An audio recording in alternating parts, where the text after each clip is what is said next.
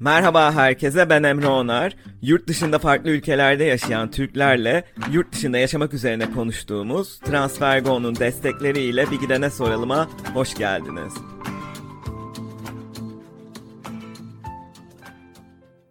TransferGo uygun kur ve düşük gönderim ücretiyle çok hızlı hatta aynı gün içinde uluslararası para transferi yapabileceğiniz bir mobil uygulama. Üstelik TransferGo'yu kullanmaya başlayan her arkadaşınız için 22 euro ödül kazanabilirsiniz. Bu bölümde Fransa'ya gidiyoruz ve 4 senedir Paris'te yaşayan Pelin Cankurt konuğum.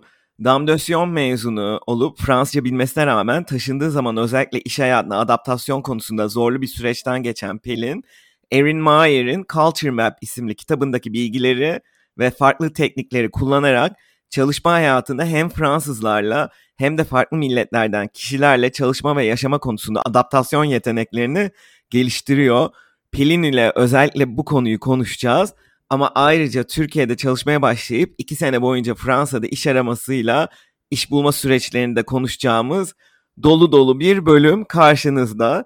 Ee, Galatasaray İşletme ve Boğaziçi Ekonomi Yüksek Lisans mezunu Pelin e, aynı zamanda Paris'te Erasmus yapıyor. Paris Dauphine Üniversitesi'ndeki deneyimi sonrası hep Paris'e taşınmak istiyor ama o sırada İstanbul'da çalışma hayatına başlıyor.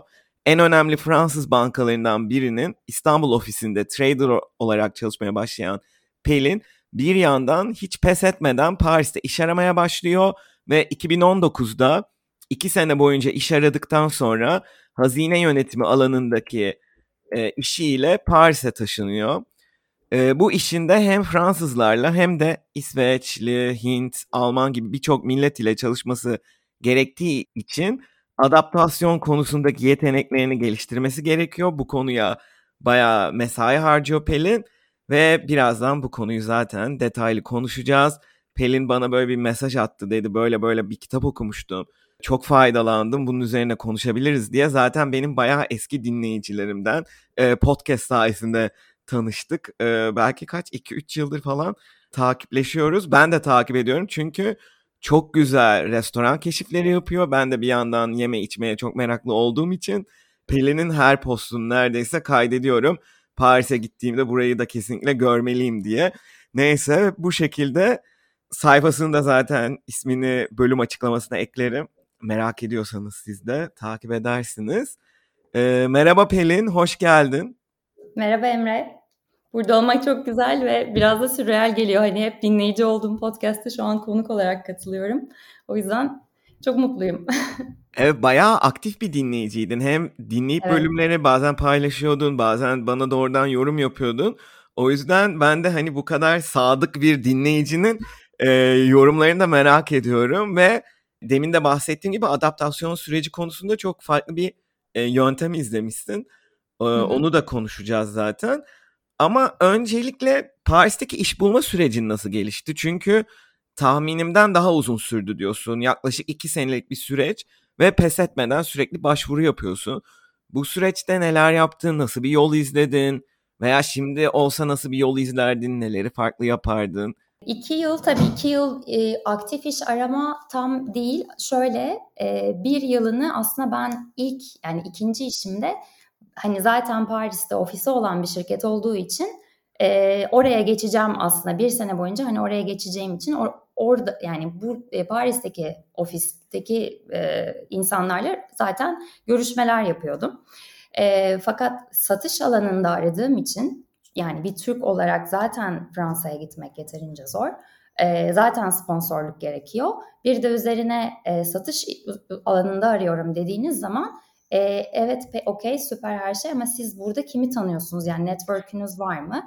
E, bir de hani Fransızcam tabii ki Fransız okulunda okuduğum için e, yeterince iyi fakat konuşurken yani bir Türkçe ya da bir İngilizce'deki o güven tabii ki olmuyor. Çünkü sonuçta hani Damlasyon'dan ben 2009'da mezun oldum. Ama ondan sonra hani bir Fransız bankasında işte aradaki bazı insanlarla konuşuyordum ama hani bir böyle konuşma dilim Fransızca değildi şu anki gibi mesela. Dolayısıyla görüşmelerde de kendim hani bu kendine güvenim açıkçası olmuyordu. E bir de satış bölümünde olduğunuz zaman aslında en önemli şey bu. Zaten Zoom'dan veya telefondan hani görüşme yapıyorsunuz bir yere başvurduğunuzda. Dolayısıyla hani o sesinizin tonu, hani kendinize güveniniz en önemli şeylerden bir tanesi. Dolayısıyla hep o şey oluyordu yani satış ama işte sizin ana diliniz Fransızca değil gibi bir şey oluyordu hep.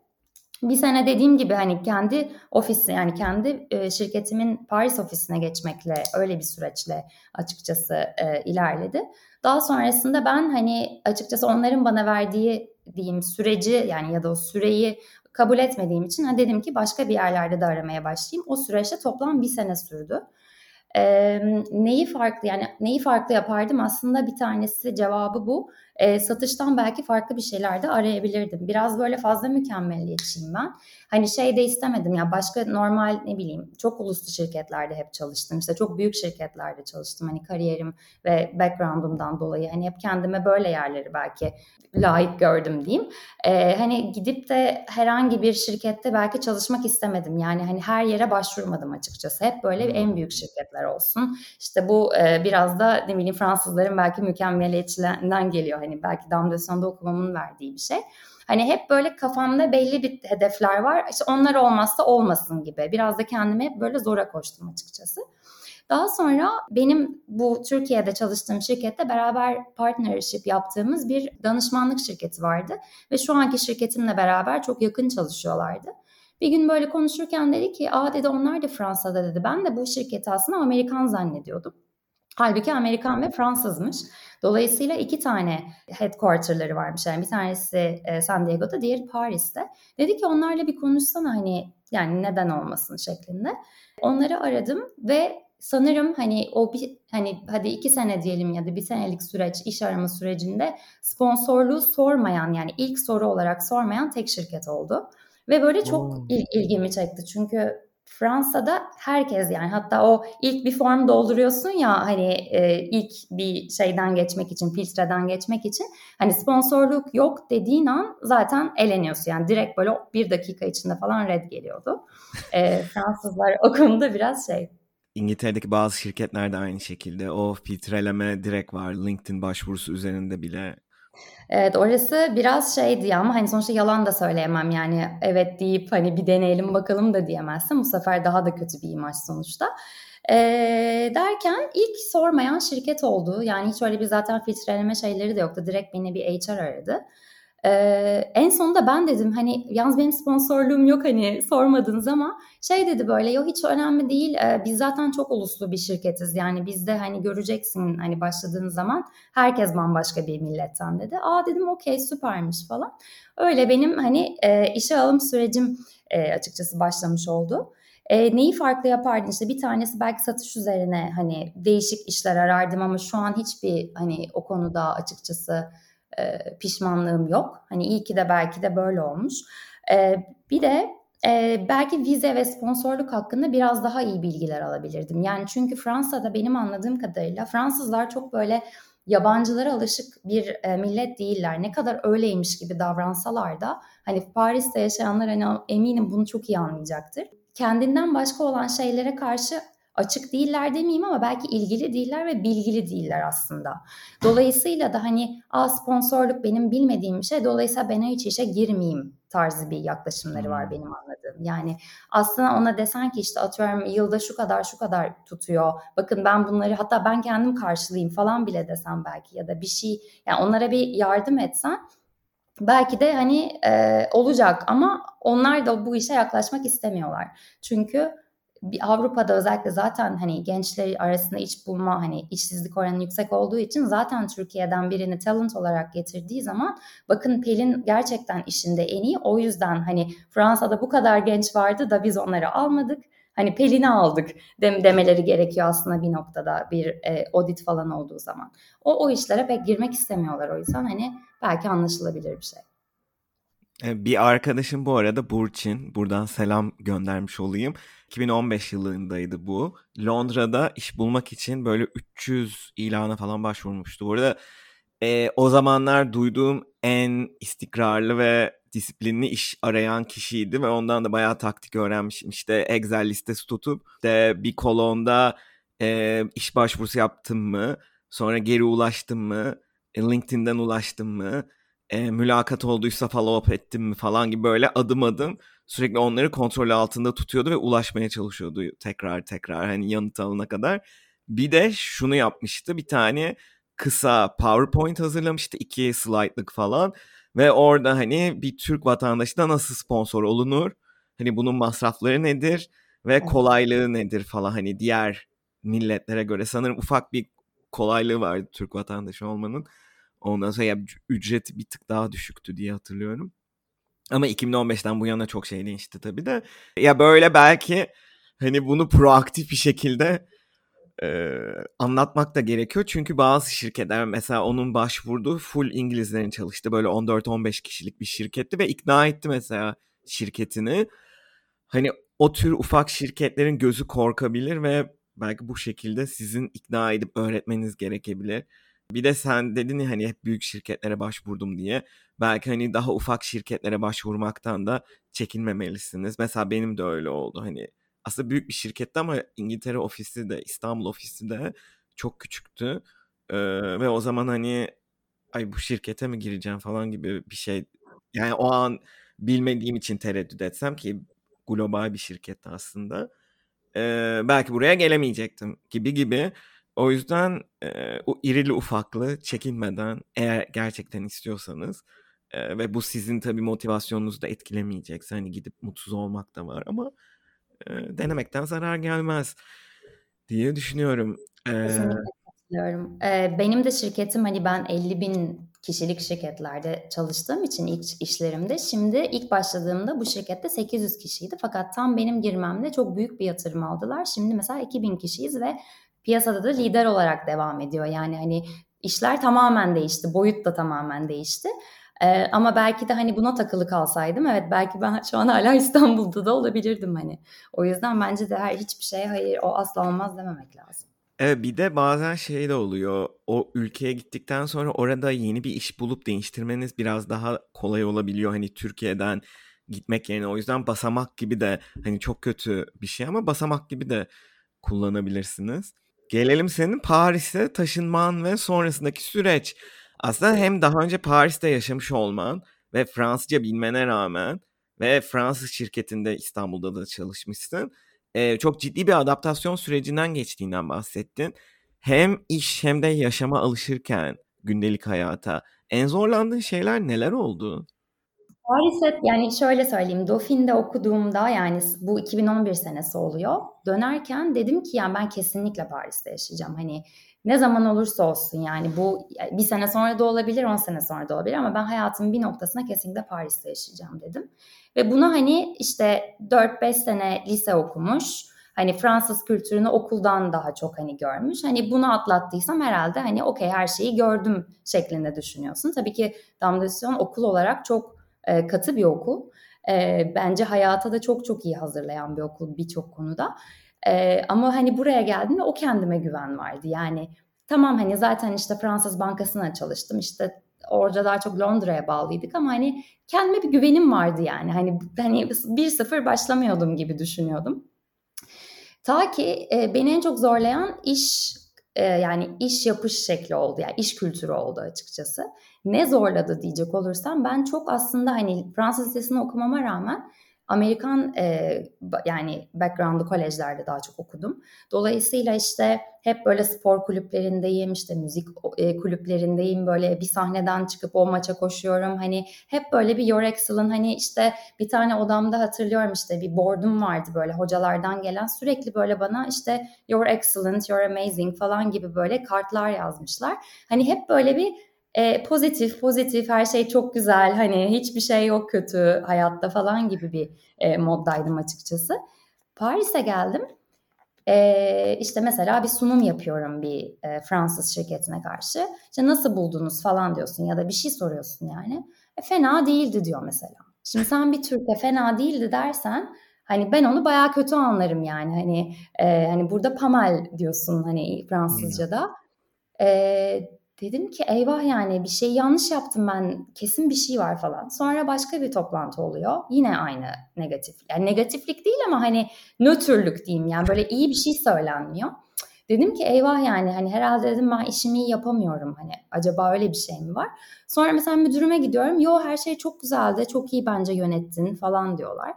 Okey ee, tamam bir, bir sorun var yani hani ben bir şey anlayamıyorum falan diyorum. Ya da Fransızlar böyle çok direkt konuşurlar yani e, ne bileyim bir şeyi direkt sana söylerler patladanak. Hani hiç onu böyle bir pozitife sarayım hani seni iyi hissettireyim demezler. Kötü bir şey varsa kötüyü direkt söylerler.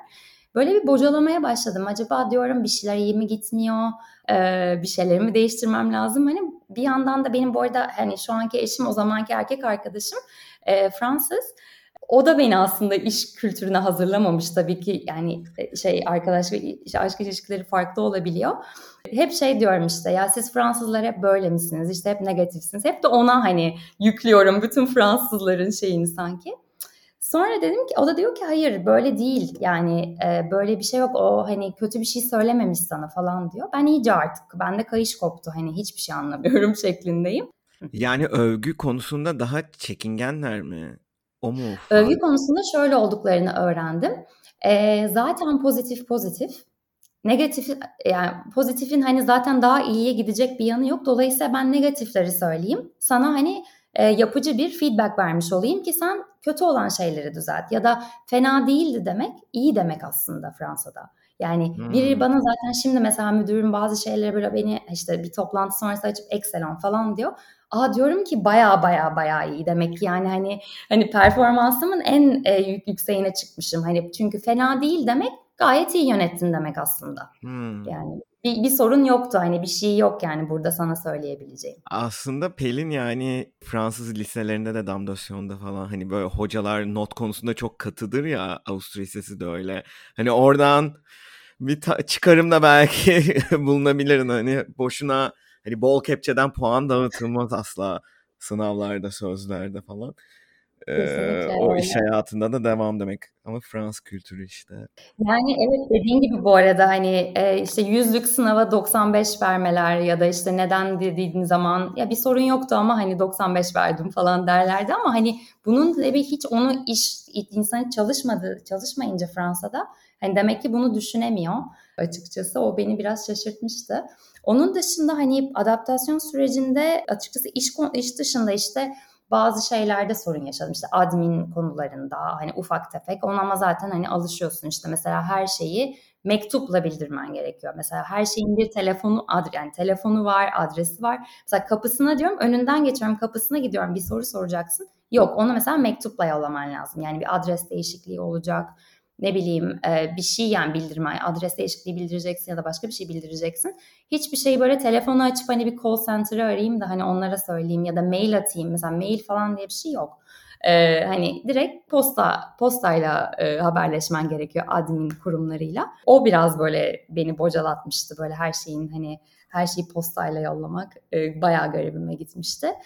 Ee, onun dışında hani insanlar olarak dediğim gibi çok e, çok gerçekten çok uluslu bir şirkette çalışıyorum. Yani bir masaya oturduğun zaman böyle temel fıkrası gibi işte biri Meksikalı, biri Yunan, biri işte Fransız, biri İngiliz falan her, her milletten birileri oluyor.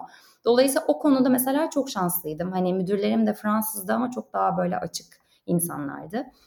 Dolayısıyla hani adaptasyonda böyle insan olarak çok şey yaşamadım ama iş ortamına alışmak işte hani Türkiye'de biz her şeyi yaparız, hallederiz, her şey çok güzelden bir anda böyle işte fena değil, işte şu da şöyle oldu, bu da böyle oldu, hani bu da negatif, şu da negatife geçince o bende bir e, şok ya şok etkisi yarattı.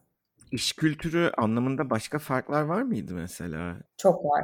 Bir tanesi mesela proje yönettiğim için biz böyle çok uluslu şirketlerin hazine yönetimi projelerini yönetiyoruz. Yani benim aslında işim hani bir yazılım şirketinde çalışıyorum ve hani geliyor bize çok büyük bir şirket işte birçok ülkedeki işte hem hazine yönetimi hem nakit yönetiminin işte projelerini implement edeceğiz. Ve mesela bir şey bir onun yani projenin bitiş tarihi var ve o bitiş tarihi yaklaştığı zaman özellikle mesela bir Fransız şirkette çalışıyorsanız ve projede mesela yetişmeyen şeyler olabilir ya da böyle ya da bazı tarihler kayabilir. Yani sonuçta proje bu hani sonuçta bazı çalışan herkes bunu çok iyi bilir. Yani mutlaka kaymalar olacaktır. Fakat böyle dünyanın sonu gelmiş gibi bir e, şey oluyor. Yani e, çünkü o kadar kuralcı ve o kadar planlı çalışmaya alışıklar ki hani en ufak bir değişimde böyle bütün dengeleri bozuluyor. Dolayısıyla onu yönetmeniz çok iyi gerekiyor. Yani aslında bunun normal olduğunu, ya bunların olabileceğini ya da işte tarih kayıyorsa mesela hemen yeni bir tarih vermen lazım. Yani onları böyle hani şeyde bırakamazsın, boşlukta bırakamazsın. Yani kaydıracağız ama ne zamana belli değil gibi bir sözler falan. Hani belirsizlikle çok fazla şey yapamıyorlar. O da bence bir bayağı bir farklılık o konuda. Gelelim adaptasyon sürecine o zaman. Bu Culture Map kitabıyla nasıl karşılaştın? Hani tesadüfen mi oldu? Biri mi önerdi sana bunu? Bu kitaptan ve hani nasıl ondan faydalandığından bize biraz bahsedebilir misin? Tabii. Ee, kitapla ben de ben çok kitap okuyan bir insanım zaten. Hani tam Ha şöyle oldu şimdi hatırladım. Bir arkadaşım INSEAD'da master yapıyordu ve bana o bahsetti. Ayrıca bu Aaron Mayer aynı zamanda Netflix'in de CEO'suyla böyle bir söyleşi gibi yapıp onun onunla ilgili de bir kitap yazmıştı. Onun evinde gördüm o kitabı ama No Rules Rules diye bir Netflix'le ilgili bir kitap. Sonra kadını araştırırken aynı zamanda INSEAD'da bir hoca kendisi. Araştırdım işte The Culture Map diye bir kitaba denk geldim. Bakıyorum işte normal yani kitabın aslında çok özetle yaptığı şey 8 tane kategori var. Biraz daha açacağım birazdan ama o ölçek yani belli ölçekler belirlemiş ve belli kültürleri yani işte böyle ne bileyim Japonlar, Çinliler, işte Hintliler ne, neresinde bu ölçeğin gibi bu 8 farklı kategoride hani kim nerede dolayısıyla bu farklılıklardan yola çıkarak nasıl beraber iş yapabilirsiniz hmm. diye bir kitap aslında bu. E ben de işte tam bu dediğim bocalama işte niye herkes negatif, niye bir şeyler e, hani hiç pozitife dönmüyor gibi düşünürken dedim ki ben bu kitabı bir okuyayım. Belki konu benle ilgili değildir. Yani hani konu ben değilimdir. Hani kitabı okuyayım bir anlamaya çalışayım. Zaten o zaman da işte Fransız projelerden daha böyle çok çok uluslu, çok büyük e, mesela işte İsveç'te bir telekom şirketi var hani e, çok büyük. Kaç ya herhalde 80-90 ülkede falan varlar ve yani bir proje şey toplantısı olduğu zaman herhalde en az 10 milletten farklı insan bir araya geliyor ve beraber bir proje yönetmeye çalışıyorsunuz. Tam öyle bir döneme denk geldiğinde işte bu kitabı buldum ve kitaptan bahsedecek olursam 8 bu tane 8 tane ölçek var dediğim gibi. Yani hani bu ölçekler bir tanesi mesela iletişim yani communicating nasıl iletişime yönetebiliyorsunuz. Değerlendirme, evaluation yani işte negatif, pozitif dediğim hani bu direct ve indirect diye ayırıyor. Ee, bir diğeri karar alma. Ee, nasıl kararlar alıyorlar? Yani e, işte bir yukarıdan tepeden mi iniyor yoksa aşağıdan hani herkes bir şeye karar veriyor da yukarı mı o belirtiliyor gibi. Bir tanesi planlama. Yani e, mesela bir toplantıya karar verildiği zaman herkes işte zamanında mı geliyor yoksa e, geç mi kalınıyor yoksa mesela o toplantı bazen hiç olmuyor da işte ertesi güne mi mesela atılıyor. E, bir tanesi yönetim şekli yani eşitlikçi misiniz yoksa hani şey misiniz ya hiyerarşici misiniz yani her şey beni hiyerarşiye göre ilerlesin micisiniz yoksa herkesin bir fikri var ve eşit eşit fikri var mı e, gibi bir yönetim şekli. İkna etme var. Hani ikna ederken işte kullandığın yöntemler daha mı işte e, nasıl diyeyim hipotez bazlı mısın yani bir şeye mi dayandırıyorsun yoksa e, hani başka tür yani daha böyle harekete aksiyona yönelik mi bir ikna etme şeklin var. Güven duyma var. Bir de hani işte güven duymada işte daha mı ilişki bazlısın yoksa daha mı işte task bazlısın yani işini iyi yapıyorsan sana güveniyorum mu aslında bir diye düşünüyorsun. Yoksa işte hani ilişkimiz çok iyi gidiyor dolayısıyla seninle çalışabilirim tarzı bir e, yaklaşım mı gibi. Bir de çatışma var. Hani çatışmalardan kaçıyor musun yoksa nasıl e, hani çatışmaya daha çok mu gidiyorsun mesela Fransızlar gibi. Ee, bazen işte Fransız yani bazı toplantılarda aslında kavga ediliyor gibi gözükür ama aslında herkes bir fikir söylüyordur ve çatışılıyordur yani. Hani onun gibi bu böyle bir sekiz ölçek aslında. Hani bunu okuyunca e, benim tabii çalıştığım şeylerden de bahsediyor. İşte Hintlilerle çalışıyorum, İsveçlilerle çalışıyorum. Aynı zamanda Fransızlar, Almanlar, İngilizler hepsi böyle bir çorba gibi olmuş. Hepsini işte kafanda bir yere oturttuğun zaman diyorsun ki ha buna benim böyle yaklaşmam lazım işte benim Fransız'a gidip işte e, hemen evet bir karara varır mısınız işte hemen demek değil de işte onun mesela kararının müdüründen geleceğini bilmen lazım mesela. Hani bunun gibi böyle sana bir perspektif katıyor aslında kitap. Bir de çok güzel bir sözü var. E, kitapta beni çok etkilemişti. Şey diyor. Eğer kültürel farklılıkların üzerine yani sadece kültürel farklılıklarımızı üzerinde durursak Yani Fransız şöyle, işte İngiliz böyle. Sadece stereotipler yaratmış oluruz diyor. Ee, yani eğer kültürel farklılıklarımızın üzerine çalışmaya başlarsak işte o zaman beraber iş yapmaya başlarız diyor. Çok hmm. ilginç bir e, yaklaşım gibi geldi bana. Doğru bir de kültürel farkların ötesinde kişilik farkları da var. Sonuçta herkesin evet. karakteri farklı ee, ama kültür direkt etkiliyor ve hep hani podcastlerde konuşulan konularda mesela Tayland bölümü çok net aklımda hani karşı çıkamıyorlardı söylediklerini ilk sezondaydı 33. bölüm. Evet. Mesela e, yöneticilerinin bir şey söylediğinde yöneticileri bir şey söylediğinde katılmasalar dahi fikirlerini söylemekten çekiniyorlar ve yapmıyorlardı falan. E, derin de o oradaki konu belli bir süre geçtikten sonra anlamıştı o durumu ya da Kore bölümü de bu sezondaki o konuda hani şeyi fark ettirmişti bana. Okey gerçekten hani farklı bir kültür var ve çalışma biçimleri çok farklı. Amerikalılar da mesela çok farklı. Daha böyle evet. Amerikalılar beraber çalışmaya açıktır. Daha sıcakkanlı, iletişimi çok kolaydır bence. Mesela onlarla çalışmayı ben çok seviyorum. İngilizler mesela ne düşündüklerini çok söylemiyorlar. Biraz daha diplomatik. Ya bir yandan stereotipler de oluşturmuş oluyorsun ama bir yandan da büyük ölçüde yani kişiden kişiye değinse de gerçekten büyük ölçüde oturuyor bu. Çünkü eğitim sistemi de yani kolektif olarak o insanlar neredeyse benzer bir eğitim sisteminden geçmiş. O yüzden yani be- benzer düşünce yapıları, benzer düşünme biçimleri hakim o ülkede. Evet ilginç bunları bilip ona göre hareket etmek mantıklı. Yani çok güzel bir şey yapmışsın bu arada. Kendini onların yerine koyup ona göre davranma. Her zaman da kolay değil. Hani böyle yapacağım dersin ama o an düşünemezsin o şekilde birçok zaman düşünemiyorsun. Hani o an böyle toplantıda bazen bir şeyler aklına gelmiyor ama tabii yaptıkça alışıyorsun açıkçası.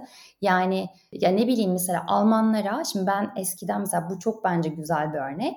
Ee, şimdi ben işte Amerikalılara mesela bir toplantıya girersin. Ee, işte bu mesela çok büyük e, elektrikli araçlarda hani şu an dev bir şirket olan e, bir proje yönetiyordum. Ya orada mesela kola giriyoruz e, yarım saat mesela, yarım saatte konuşuluyor konulacak konular. Evet decision nedir? Herkese çok teşekkürler kapatılıyor. Hiçbir sorun yok yani. Hiç ben bir daha hani mail atayım neydi kararımız? Hani işte kararımız şuydu bakın falan diye hani follow up edeyim. Hani bunlar hiç olmuyordu. Ee, sonra mesela şeylerle işte Alman projelere bu sefer daha çok geçmeye başladım. Sürekli şey diyorum mesela evet diyorum hani kararınız nedir? İşte hani ne yapıyoruz bu konuyu? falan. Böyle bir garip bir sessizlik oluyor. Böyle bir soğuk rüzgarlar esiyor falan e, toplantıda. Sonra işte mesela bu kitabı okuyunca şeyi anladım. Çünkü Almanlar kendi aralarında konuşacaklar bir karara varacaklar ve bana onu açıklayacaklar. Ama ben oradayken o karara oturup konuşamazlar. Dolayısıyla Onların kendi aralarında konuşup ondan sonra bunu da tabii müdürlerine sunup ondan sonra işte verilen kararı bana aktarmaları lazım. Dolayısıyla bunun böyle kolda hani patladanak olacak bir şey değil zaten yani. Hani mesela ben tamamen bıraktım. Ee, yani Almanlara evet kararımız nedir ne yapıyoruz falan diye sormayı. Ee, o mesela büyük bir şey yani bunu bilmesen devam edersin yapmaya çünkü nasıl alışıyorsan öyle gidiyor bazı şeyler e, İsveçli bir projede işte yine bu dediğim İsveçli projede çalışırken bir karar alınıyor. Orada da karar almak aşırı kolay çünkü herkes eşit yönetildiği için herkesin hani bir CEO ile normal herhangi bir finans müdürünün kararı aynı önemlilikte. Yani biri bir şey diyorsa çok önemli çünkü herkes orada eşit. Dolayısıyla biri karar veriyor mesela ben üç kişiyle mesela şeye giriyorum bir toplantıya giriyorum. Orada bir kişi bir şey diyor tamam diyorlar bu karar olsun diyor mesela tamam diyoruz. Ben mesela işime devam ediyorum onun verdiği kararla mesela biz de proje yönetiyoruz yani o kararın üzerinden bir şeyler yapıyoruz bir de o kadar zaman harcıyoruz. Ertesi günü biri diyor ki yok öyle olmasın böyle olsun diyor. Bu sefer o kişi yani dünkü kararı veren de diyor tamam öyle olsun diyor mesela.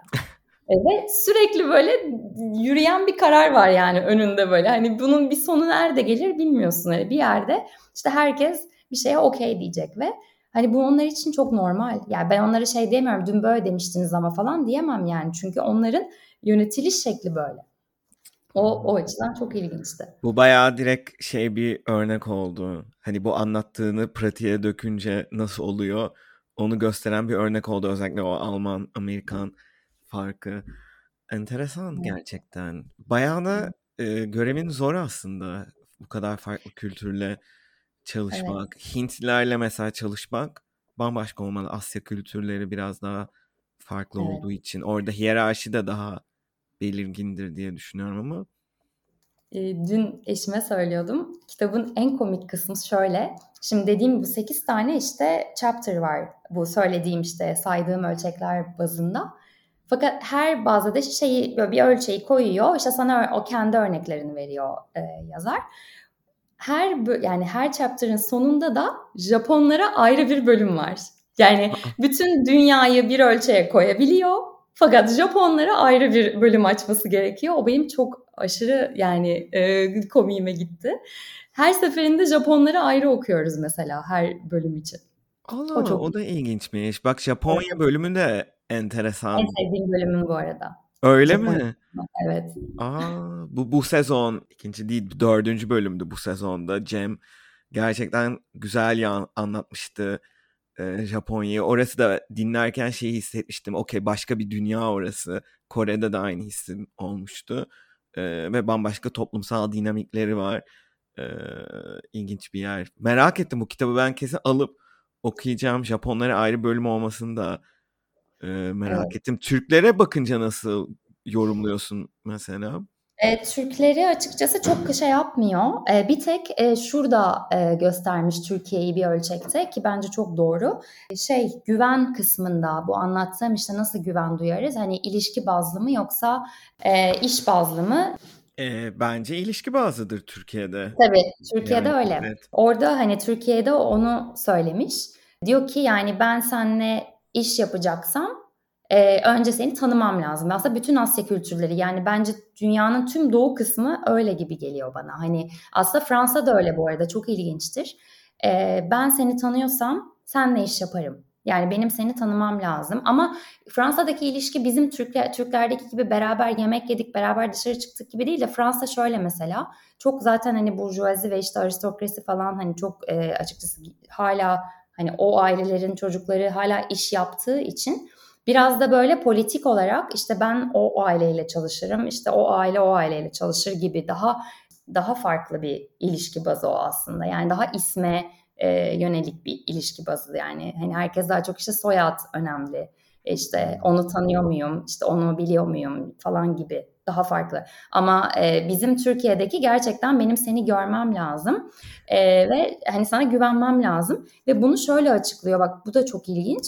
E, diyor ki çünkü Türkiye'de e, benim ya da alıcı veya satıcı olarak senden korunma yani beni koruyan yasalar çok daha gevşek olduğu için benim sana güvenmem yani kişisel olarak güvenmem lazım ama Fransa işte ne bileyim Danimarka işte Fransa gibi daha böyle kuralcı işte yasaları belli olan ülkelerde zaten biliyorum ki hani sen bana bir yanlış yapsan ya da bir ödemeyi kaçırsan ya da bir şey olsa zaten hani benim sana cezam da hazır her şeyim hazır. Yani seni bir şekilde hani bulunur. Ama ne bileyim bir Afrika'da Nijerya'yı mesela örnek veriyor kitapta. Yani o adamın hani o ödemeyi yapmayan adamı bulması imkansız ve hani ona bir yaptırım uygulaması da imkansız.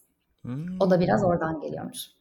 Doğru. Türkiye'de kurallar daha gevşek olduğu için bir şekilde kendi yolunu buluyor insanlar da.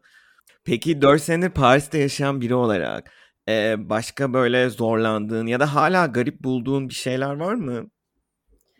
Ee, garip bulduğum yani dediğim gibi alıştım. Hani artık bana hiçbir şey garip gelmiyor. Ama tabii ki bana zor gelen yani hala işte bu dediğim gibi yeniliğe açık olmamaları, daha böyle işte eski e, hani eski kurallarına devam etmeye çalışmaları yani o o kısım biraz hala zor yani çok katı kuralcı olmaları. E, bir de mesela hani eminim ki şu an e, hani ben o zorluğu yaşamadım. Hani ben Fransa'ya gerçek bir hani hiç bilmeden gelip ya da hiç Fransızca konuşmadan gelen bir Türk olarak baktığın zaman ki benim hani bazı arkadaşlarım bu durumda mesela e, o açıdan mesela entegrasyonu da böyle bir şey değiller yani e, entegre etmek için bir çabaları yok gibime geliyor açıkçası. E, yani bir İngiltere ya o da bence şundan kaynaklanıyor düşündüğün zaman hani İngiltere mesela aslında çok uluslu yani çok fazla işte göç alan ama hep böyle farklı ülkelerden göç alan bir ülke.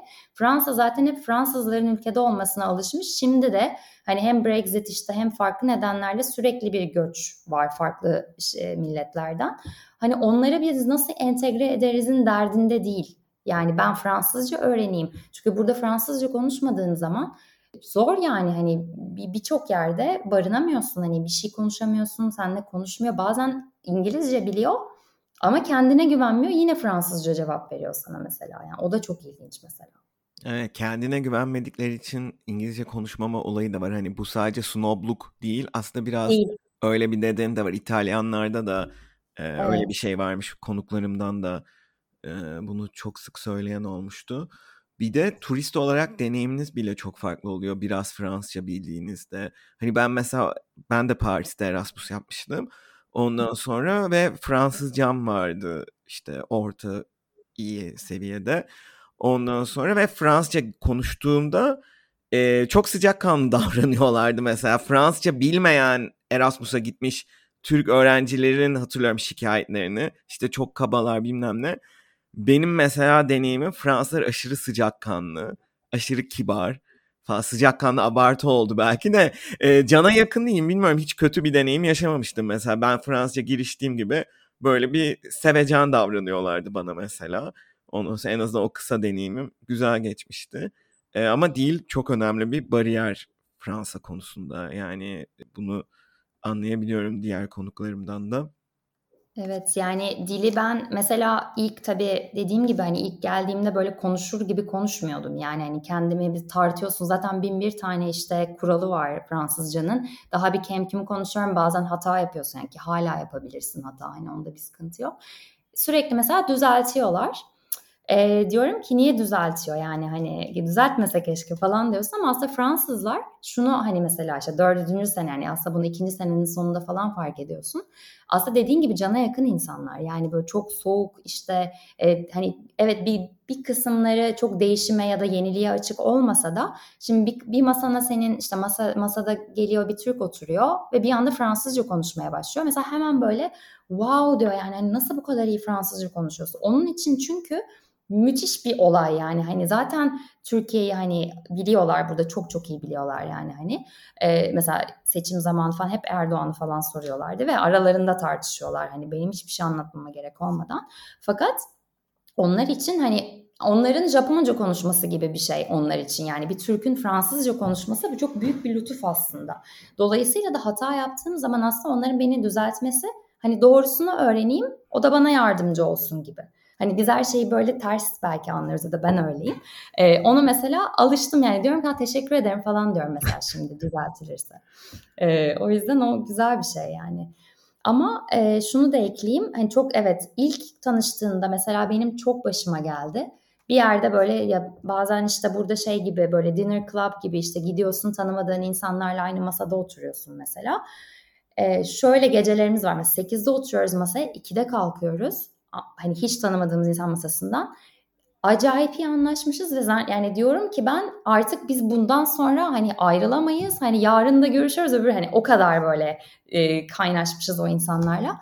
Bir daha mesela kimse birbirinin telefonunu almaz. Hani bir daha görüşelim falan böyle bir şey yok mesela. Çünkü herkesin kendi arkadaş grubu var zaten. Bu dediğim aslında biraz yeniliğe açık olmamadan da geliyor bence.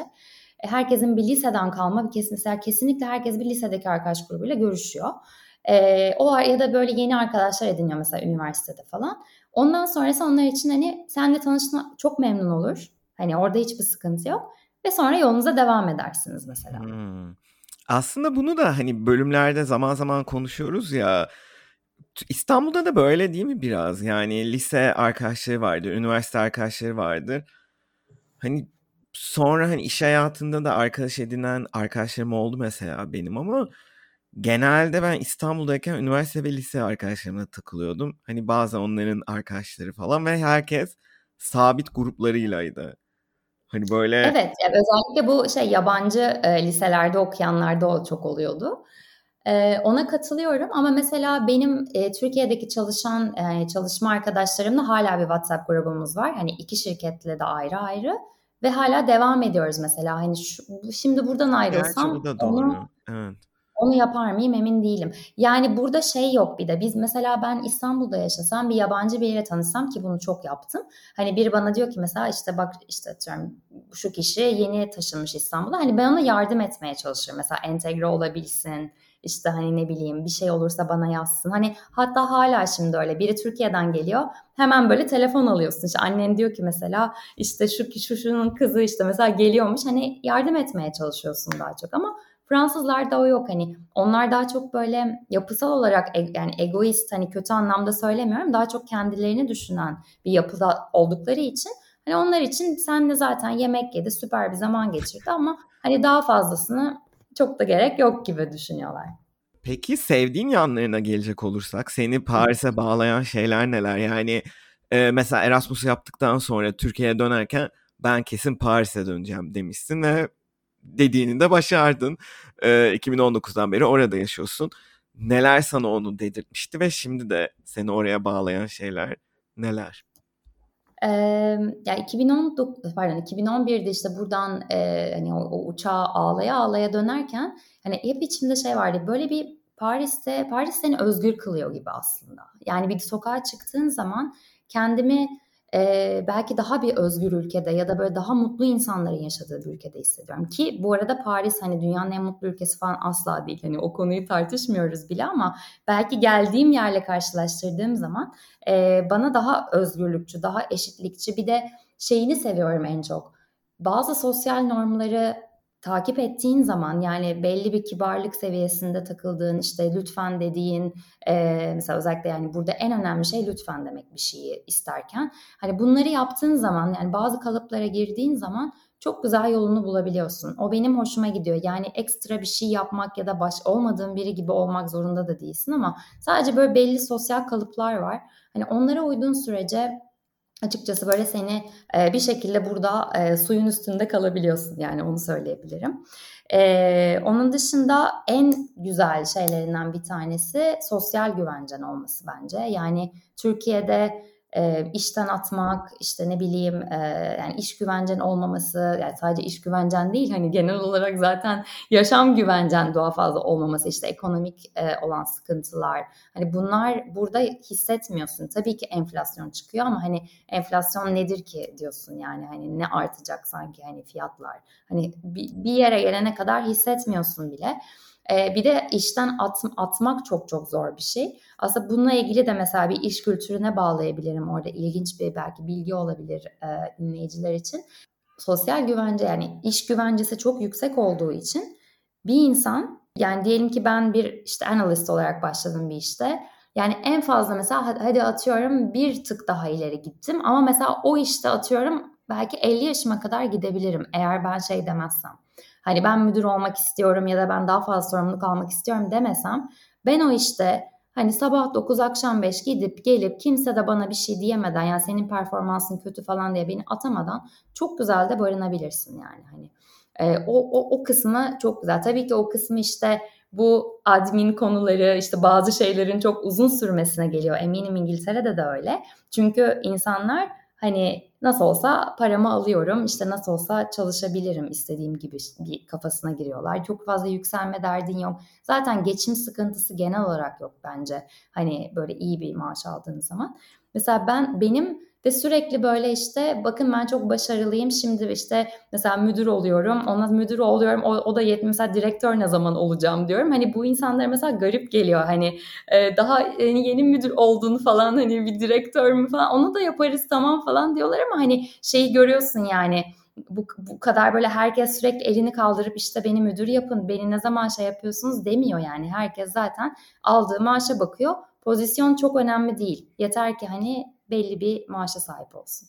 Ee, bunun dışında hani avantajlar olarak işte bu dediğim aslında direkt olmaları e, şimdi ilk alışamadım diyorum hani çok fazla her şey negatif geldi ama e, mesela Amerikalılarda da bu yok. Yani Amerikalılar sana her şey it's amazing, it's great, işte her şey süper gidiyor falan derken sen zannediyorsun ki işte bulutların üstündesin, dünyanın en müthiş e, insanısın. Halbuki arkandan sana gidip şey diyor yani senin yüzüne söyleyemediği için senin arkandan gidip işte Pelin aslında o kadar iyi değil.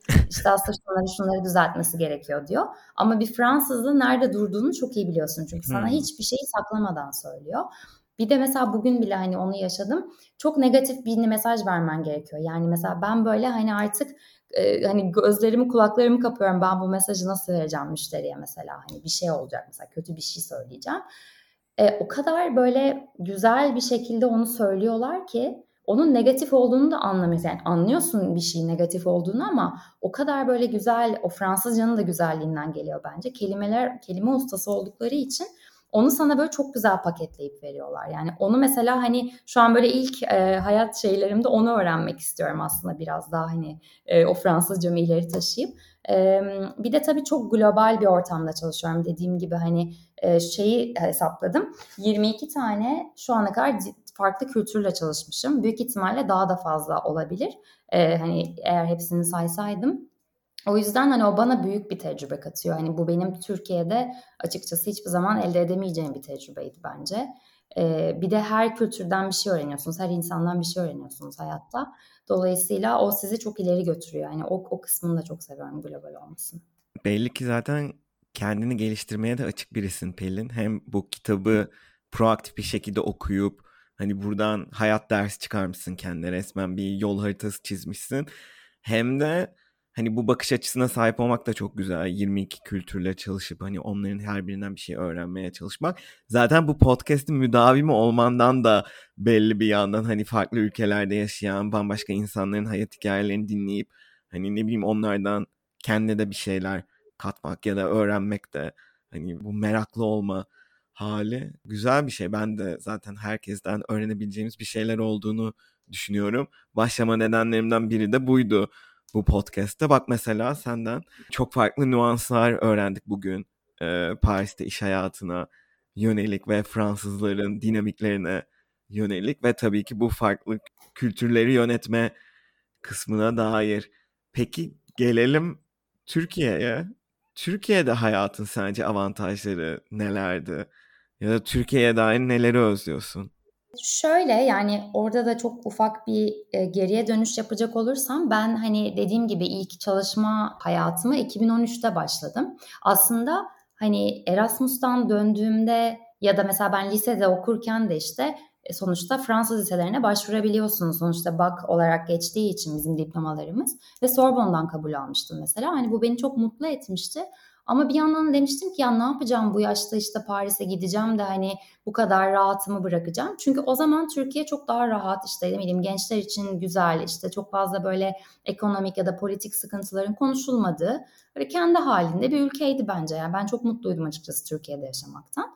Her şey işte bu 2013'te işte işe başlamam, daha sonra 2016'da olanlar falan filan derken açıkçası hani bu kadar şey oluyorsun genç bir yani. Özellikle bir de o zamanlar 25-26 yaşındasın yani. Hani çok çok gençsin. Hayata dair çok fazla umudun var. Ee, ve hani çok iyi okullarda okumuşsun. Hani çok uçuyor kaçıyor olmayı bekliyorsun belki de. Ama hep böyle bir cam tavan var. Yani bir e, şirkete giriyorsun. İşte orada hep belli müdürler var. Hani o müdürler de işte 25 senedir orada. E, onların yerine geçmen hani neredeyse imkansız gibi bir şey Dolayısıyla o e, hani o background'un la orada böyle barınamadığını ya da hep yükselemeyeceğini, hep böyle bir cam tavan altında kalacağını hissediyorsun. O yüzden hani şimdi Türkiye'yi o yüzden çok fazla özlemiyorum. Hani bu kararı verirken de zaten dediğim gibi hiç çalışmamış olsaydım ya da hiç mesela hani atıyorum Sorbonne'dan belki başlamış olsaydım ki mesela bazı arkadaşlarım öyle 10-15 senedir Paris'te yaşayanlar Türkiye'yi şimdi özlüyorlar. Ama ben 29 yaşında hani artık Türkiye'den alacağımı almış e, biri olarak e, bence çok fazla bir şeyini özlemiyorum. Belki de 4 sene olduğu için hani belki 10 sene olunca tekrar konuşalım da olabilir. Ama e, hani denizi özlüyorum mesela bir şey özleyecek olursam. Hani oraya gittiğimde bir deniz kenarında olmayı seviyorum ama hani zaten Avrupa'dan da bir e, uçağa bindiğinde bir saatte denize ulaşabiliyorsun ya da işte Paris'te iki saatte trene bindiğin zaman. Hani o yüzden böyle çok çok özlediğim bir şey yok. Tabii ki ailemi çok özlüyorum. Hani o zaten tartışılmaz bir şey. Ama eminim senin de öyledir. Yani birçok yakın arkadaşım zaten yurt dışına taşındılar. Dolayısıyla oraya gittiğimde görecek arkadaşım bile neredeyse kalmadı. Çok çok az kişiyle görüşüyorsun. Dolayısıyla çok özlediğim bir şey yok şimdilik. Zaten bir de hani dediğim gibi burada evlendiğim için zaten hani buraya bayağı bağlanmış durumdayım. Evet. Bu arada dediğin şey çok doğru. Mesela dedin ya 2009'da üniversiteye girerken Sorbonne'dan kabul almana rağmen aman niye gideyim deyip e, Türkiye'de kalmayı seçmişsin ya ben de işte 2008 mezunuyum. Bizim lisede de yani %20'si falan yurt dışına gitmişti. %20-25. Şu an Avusturya Lisesi'nde %80'in üzerindeydi sanırım bu oran. Ya birçok yabancı lisede %80, %90'larda yurt dışına gitme oranı. Ee, Türkiye'de kalmak çok az az bir grubun yaptığı bir şeye dönüşmüş halde. O bile aslında yani ülkenin değişimini ve bu yurt dışına gitme eğilimini gösteriyor. Aslında son soruya da cevap vermiş oldun hani Fransız eşimden dolayı buraya bağlandım diyerek ama Türkiye'ye dönmeyi düşünüyor musun? Yok Türkiye'ye dönmeyi şu an için düşünmüyorum. Ee, yani umarım da hani olmaz. Hani belki başka bir ülkeye gitmeyi düşünüyor muyuz onu da bilmiyorum ama şu an için Fransa'dayım. Çok böyle uzun uzun hani asla demeyi hiç sevmem. O yüzden hani ama şu an için tabii ki düşünmüyorum. Hani öyle bir e, nedenim de yok açıkçası dönmek için. Ee, bakalım hayat ne getirecek. Kesinlikle e, her konuğumun dediği gibi bu da şey e, Türk kültürünün getirdiği bir şey olmalı kesinlikle birazcık kadercil bir de keskin konuşmaktan kaçınma belki herkes büyük konuşmak istemiyorum ama diye başlayıp bu soruyu o şekilde. Şimdi kesin anneler falan da dinliyorsa hani onları da kırmak istemiyorsunuz. Hani onlarda da hep bir umut var çünkü acaba dönerler mi diye. Ya. hani o yüzden ee, bilmiyorum. Bakalım. İnşallah. Hepimiz ailemize hani mesela geçenlerde Ece, Ece Temel Kur'an'ı dinliyordum bir podcast'te. Bu arada acayip çok sıkı bir podcast dinleyicisiyim hani tahmin ettiğin üzere. Ee, o da şey diyordu yani tabii ki insan neden hani bırakalım ülkemizi böyle hani hiçbirimiz keyfimize gitmedik dediğim gibi yani ben de e, ben hatta 2000 12'de falan yani daha bu 2013 olayları falan olmadan önce bu Fransız Bankası Londra'ya teklif aldım. Hani Londra'yı seviyordum, bayağı seviyordum. Hatta sürekli gidiyordum. Şey dedim ya ne yapacağım orada junior maaşıyla çalışacağım. Gayet iyiyim ben Türkiye'de dedim mesela. Yani Londra'da gidip junior maaşıyla işte atıyorum 20 metrekarede yaşayacağım ama hani en azından dedim burada kalırım. Hani ne güzel yaşarım dedim. Ondan sonra işte 2013'ten sonraki bütün olaylar e, patlak verdi ve 2016'dan e, sonra da hani dedim ki yok ben gidiyorum hani artık buraya daha fazla e, şey yapamayacağım. Ee, evet ne ilginç. Şimdi olsa yani 2012'de reddettiğin işi asla reddetmezdin. Ya da birçok kişi yurt dışında mesela master yapan birçok tanıdığım kişi Türkiye'ye dönüyordu eskiden hani daha üst jenerasyondan tanıdığım. Şimdi genelde master'a hani yurt dışında çıkış amaçlı, temelli çıkış amaçlı evet. gidiliyor. Aman bir iki yıl master yapayım döneyim kafası çok nadir. Bakalım nereye gidecek. Bunlarla da yani e, evet, kayıt altına şey. alıyoruz aslında bir yandan. Böyle... Evet senin bence podcast'ın o konuda çok yararlı olacaktır herkese. Çünkü mesela yani bir de şey bölümleri daha da ilginç geliyor. Yani herkes işte Avrupa'yı çok iyi bildiği için Avrupa'ya aslında taşınmak istiyor. Ama ben senin mesela Avustralya bölümün vardı işte Brisbane bölümü falan. Hani benim belki hayatta hani hiç gitmeyeceğim bir yer ama orada işte bir Türkler yaşıyor ve oradaki hayatı anlatıyorlar yani. Hani biri mesela belki Avustralya'ya gitmek istese o senin o bölümünde dinleyecek ve iyice şey olacak. Hani iyice e, motive olacak. O yüzden o bence çok yararlı bir şey yapıyorsun. Evet mesela e, teşekkür ederim öncelikle. E, ama ya ben de şaşırıyorum bazen. Mesela Tanzanya'da e, restoran otel işletip taşınabilirsiniz. Ya da Brezilya'da belli bir bütçeyle kendi otelin e, restoranınızı açıp mesela ya da işletmenizi taşınabilirsiniz falan gibi birçok e, cesaret öyküsü de var. Hani Avrupa'ya taşınmak hani kendi içinde elbette zorlukları var. Her yere adaptasyon zor. Ve ben de hep zorlandığımı ilk başlarda söylüyorum. Ama bambaşka bir kıtada sıfırdan hayat kurmuş da birçok konuğum var. Gerçekten onları da çok takdir ediyorum. Bu şekilde böyle sıkı bir podcast dinleyicisini ve özellikle bir gidene soralım dinleyicisini konuk almak güzeldi Pelin. Böyle eklemek istediğin bir şey var mı? Ee, hayır şu an için yok aklıma bir şey gelmiyor. o zaman çok teşekkür ederim tekrardan katıldığın için. Ben teşekkür ederim. İyi ki mesaj attın, ulaştın. Bu şekilde. O zaman görüşürüz. Görüşürüz. Dinlediğiniz için teşekkürler. Uygun kur ve düşük gönderim ücretiyle yurt dışı para transferlerinizi kolayca yapabileceğiniz TransferGo sundu. Instagram ve Twitter'da bir gidene soralımı takip edebilirsiniz. Bir sonraki bölümde görüşmek üzere.